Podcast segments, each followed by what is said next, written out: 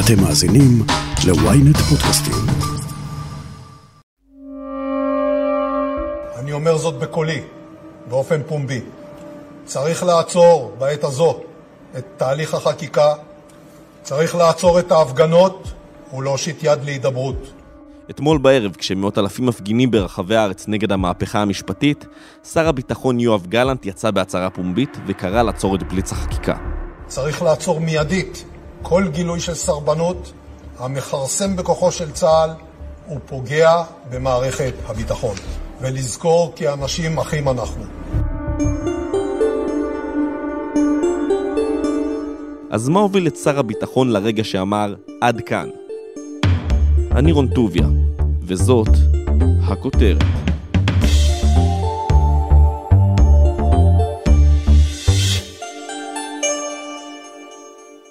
ההצהרה של גלנט לא הפתיעה כל כך את המערכת הפוליטית, יש לומר, אבל בהחלט מסמנת נקודת דרך משמעותית בכל רכבת הערים הפוליטית שאנחנו חווים מתחילת ינואר. כתבתנו הפוליטית מורן אזולאי, מה עומד מאחורי ההצהרה הזאת אתמול בערב? תשמע, אנחנו מחפשים אה, כל הזמן, אה, אתה יודע, אה, סיבות גדולות ורחבות ואולי כוונות נסתרות, אבל האמת שמה שעומד מאחורי ההצהרה הכל כך דרמטית של גלנט הוא חשש, חשש אמיתי וראייה ככה עמוקה יותר שלא מתאפשרת לנו, הציבור הרחב, של מה שקורה בצבא, וזה אגב תהליך שגלנט עובר לא מהיום. ככל שהמחאה הזו בעצם הלכה והתרחבה, ככל ש... שהקואליציה החריפה את הטון והחריפה את הקו, בעצם אנחנו רואים את, ה, את מעגלי הנזק הולכים וגדלים, ובהתאמה גם מחלחלים לצה"ל. זאת אומרת שמה שבעצם קורה בפתח תקווה ובראשון לציון, חלחל גם ליחידות השונות בצה"ל. חלק מהדברים נחשפנו אליהם, כמו אה, בטייסת מסוימת או בחיל מסוים, אבל לא רק. גלנט רואה תמונה מאוד מאוד רחבה. אה, ומדאיגה אגב מבחינתו, וזו הסיבה גם אה, שהוא יצא החוצה. אז אם מישהו מנסה ככה אה, למצוא איזושהי סיבה מחתרתית או תת-קרקעית למה זה נעשה עכשיו, אין כזו, אלא אך ורק שיקוף של המצב שקורה בצה"ל. שהוא די זהה למצב שקורה בחברה הישראלית. אגב, ויש גם תמימות דעים בתוך צה"ל, זאת אומרת זה לא רק שר הביטחון ראש הפירמידה, אלא גם הרמטכ"ל וגם הקצונה הבכירה. גלנט בעצם משקף את כל מה שהם חושבים ואת הדאגה שלהם. צריך לעצור בעת הזו את תהליך החקיקה, לאפשר לעם ישראל לחגוג יחד את חג הפסח ואת יום העצמאות, ולהתאבל יחד ביום הזיכרון וביום השואה. אלו ימים קדושים עבורנו.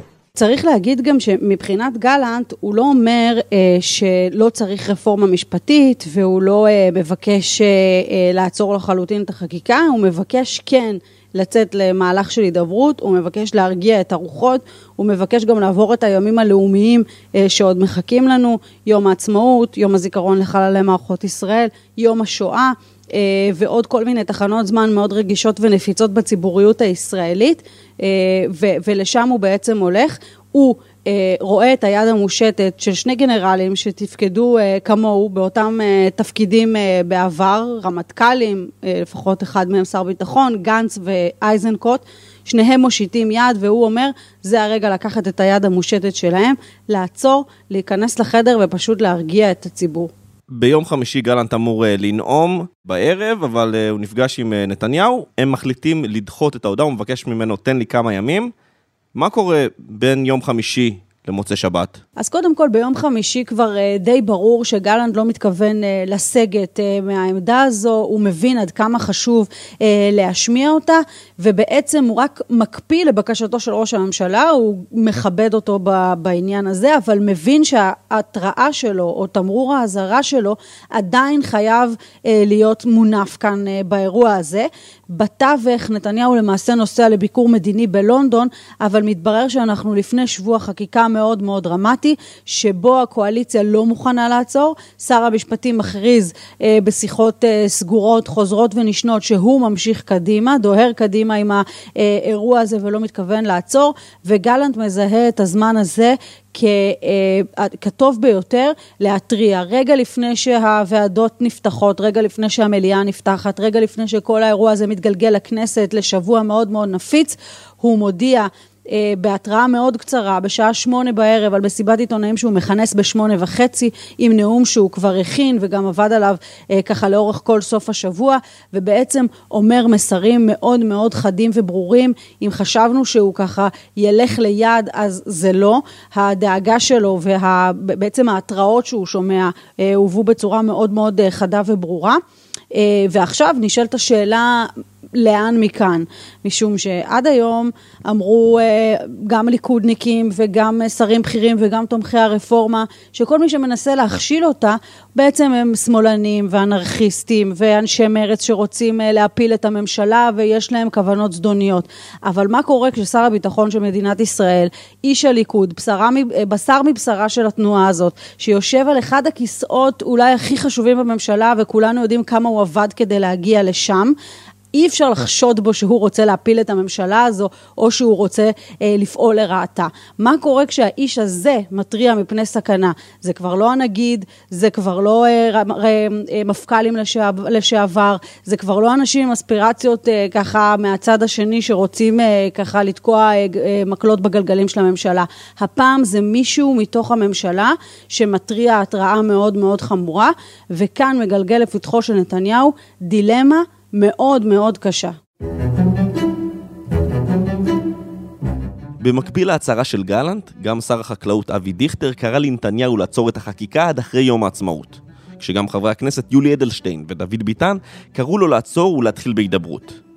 אם הם יצביעו נגד, אין למעשה רוב לחקיקה. תראה, המהלך של גלנט הוא מהלך אה, ככה מאוד מאוד שנוי במחלוקת בליכוד. מצד אחד יש אומרים, מדובר במהלך מאוד מאוד אמיץ, אה, ששר ביטחון, אה, שאפילו מחויב מציאות, כשמדובר בשר הביטחון שרואה את תמונת המודיעין, שחשוף לחומרים שאזרחי ישראל ואפילו יתר שרי הממשלה לא חשופים אליהם, ומחובתו להתריע.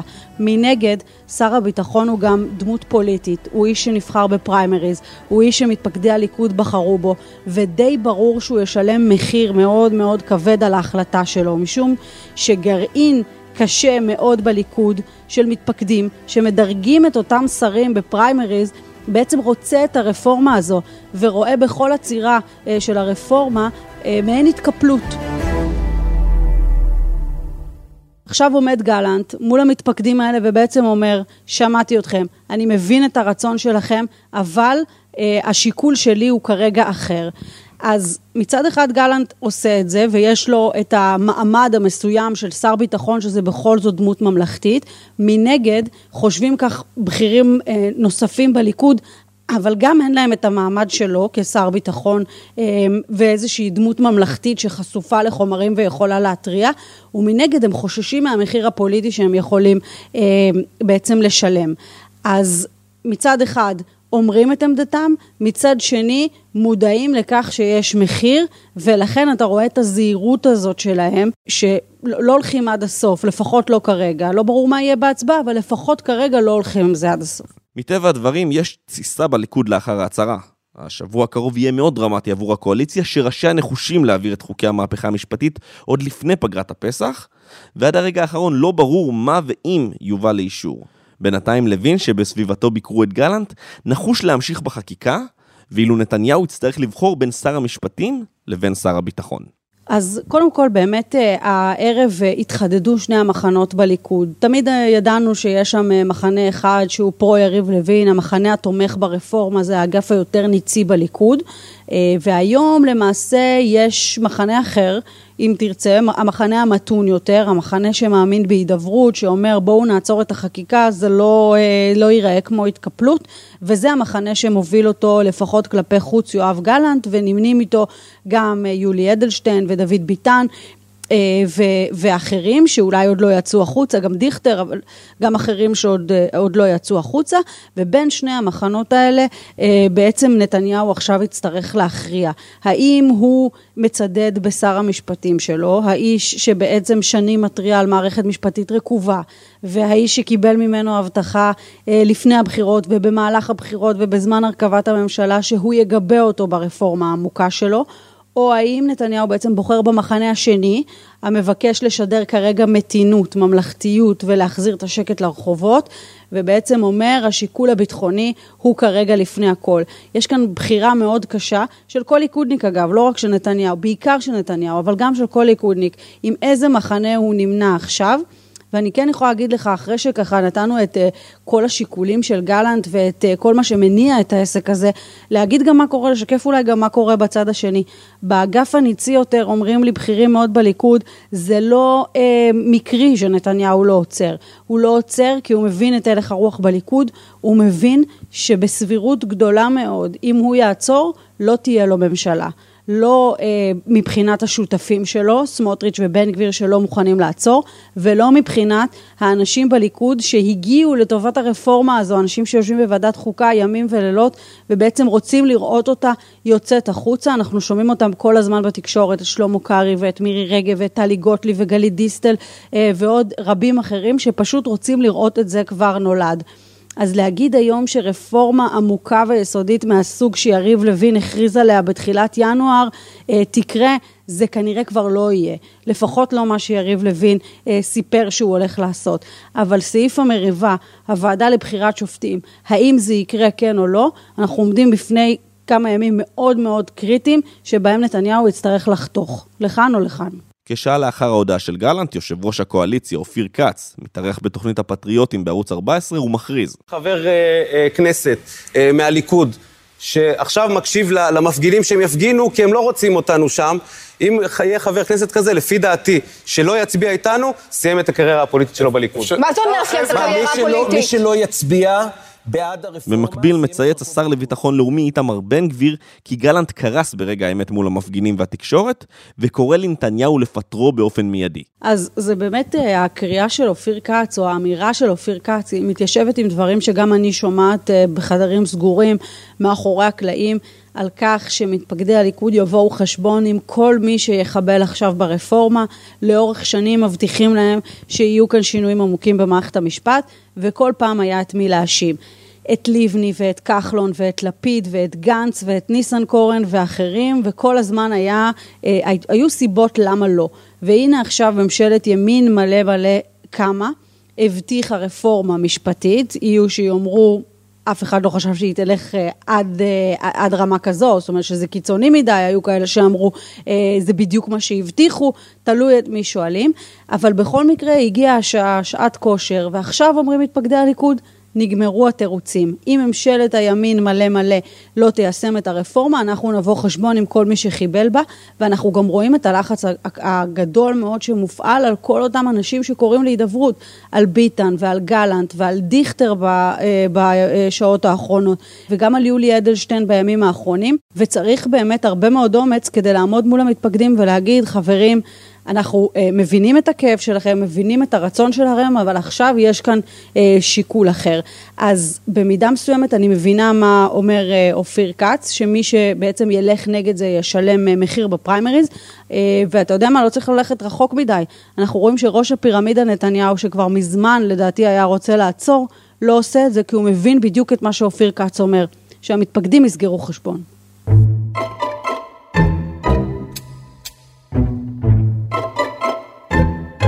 אבל יכול להיות שגלנט הוא בסופו של דבר איזה סולם שנתניהו כל כך פילל לו, כי דיברנו פה בפרק אחר על אה, משבר חוקתי, שגם נתניהו מקווה באיזשהו מקום לפסילה של כל המהפכה המשפטית על ידי בג"ץ. זה, זאת אפשרות שהיא אה, לא אה, בלתי סבירה, שבעצם נתניהו בקריצה בעצם מאפשר לגלנט לעשות לו את העבודה ולהוציא לו את ההרמונים מהאש. נתניהו מסתכל סביב רואה את ההפגנות אה, בלונדון, רואה את ההפגנות בברלין, בכל מקום שהוא מגיע אה, מחכה לו קבלת פנים צוננת, הוא רואה מה, זה, מה קורה במדינת ישראל. הגדיר את זה גלנט, אה, שהוא לא זוכר אה, שסע כזה וכאב עמוק כל כך אה, כמו זה שהוא רואה עכשיו, גם נתניהו רואה את מה שגלנט רואה. אתה יודע, קצת אחרי הבחירות דיבר נתניהו על הצורך שלו להשאיר מורשת, דווקא בקדנציה הזו. על מה בדיוק ידברו? על הסכמי השלום, על ההישגים הכלכליים שהוא יביא בקדנציה הזו, על אה, יחסים אה, נורמליזציה ויחסים אה, בינלאומיים שהוא ישפר וישדרג, כולל גם עניינים ביטחוניים. והנה מרגע שהוא התחיל את הקדנציה, כל המדינה בטלטלה, כמעט שום נושא לא נמצא על סדר היום, שלא לדבר על הצרות המדיניות והכלכליות וכל מה שקורה מסביב. לא אה, לקדנציה הזו פילל נתניהו, ולכן אני לא אתפלא אם בתוך תוכו הוא דווקא ישמח שיהיה מי שיעשה עבוד, עבורו את העבודה השחורה, ואם יהיה, יהיה זה גלנט, שיהיה גלנט, אם יהיה זה דיכטר, שיהיה דיכטר, אבל אני, אני לגמרי לא אתפלא אם זה קורה. נשאלת השאלה, מה הוא יעשה ברגע ההכרעה? כי בסופו של דבר מישהו יצטרך ללחוץ על הבלם. גלנט הוא לא אדם שיכול ללחוץ על הבלם, הוא יכול להתריע, הוא יכול להכין את התשתית, הוא יכול אה, אה, להכין את דעת הקהל הציבורית. בסוף נתניהו יהיה זה שיצטרך לשים את הרגל על הברקס. האם הוא יכול לעשות את זה כן או לא? שאלת השאלות, השבוע נדע.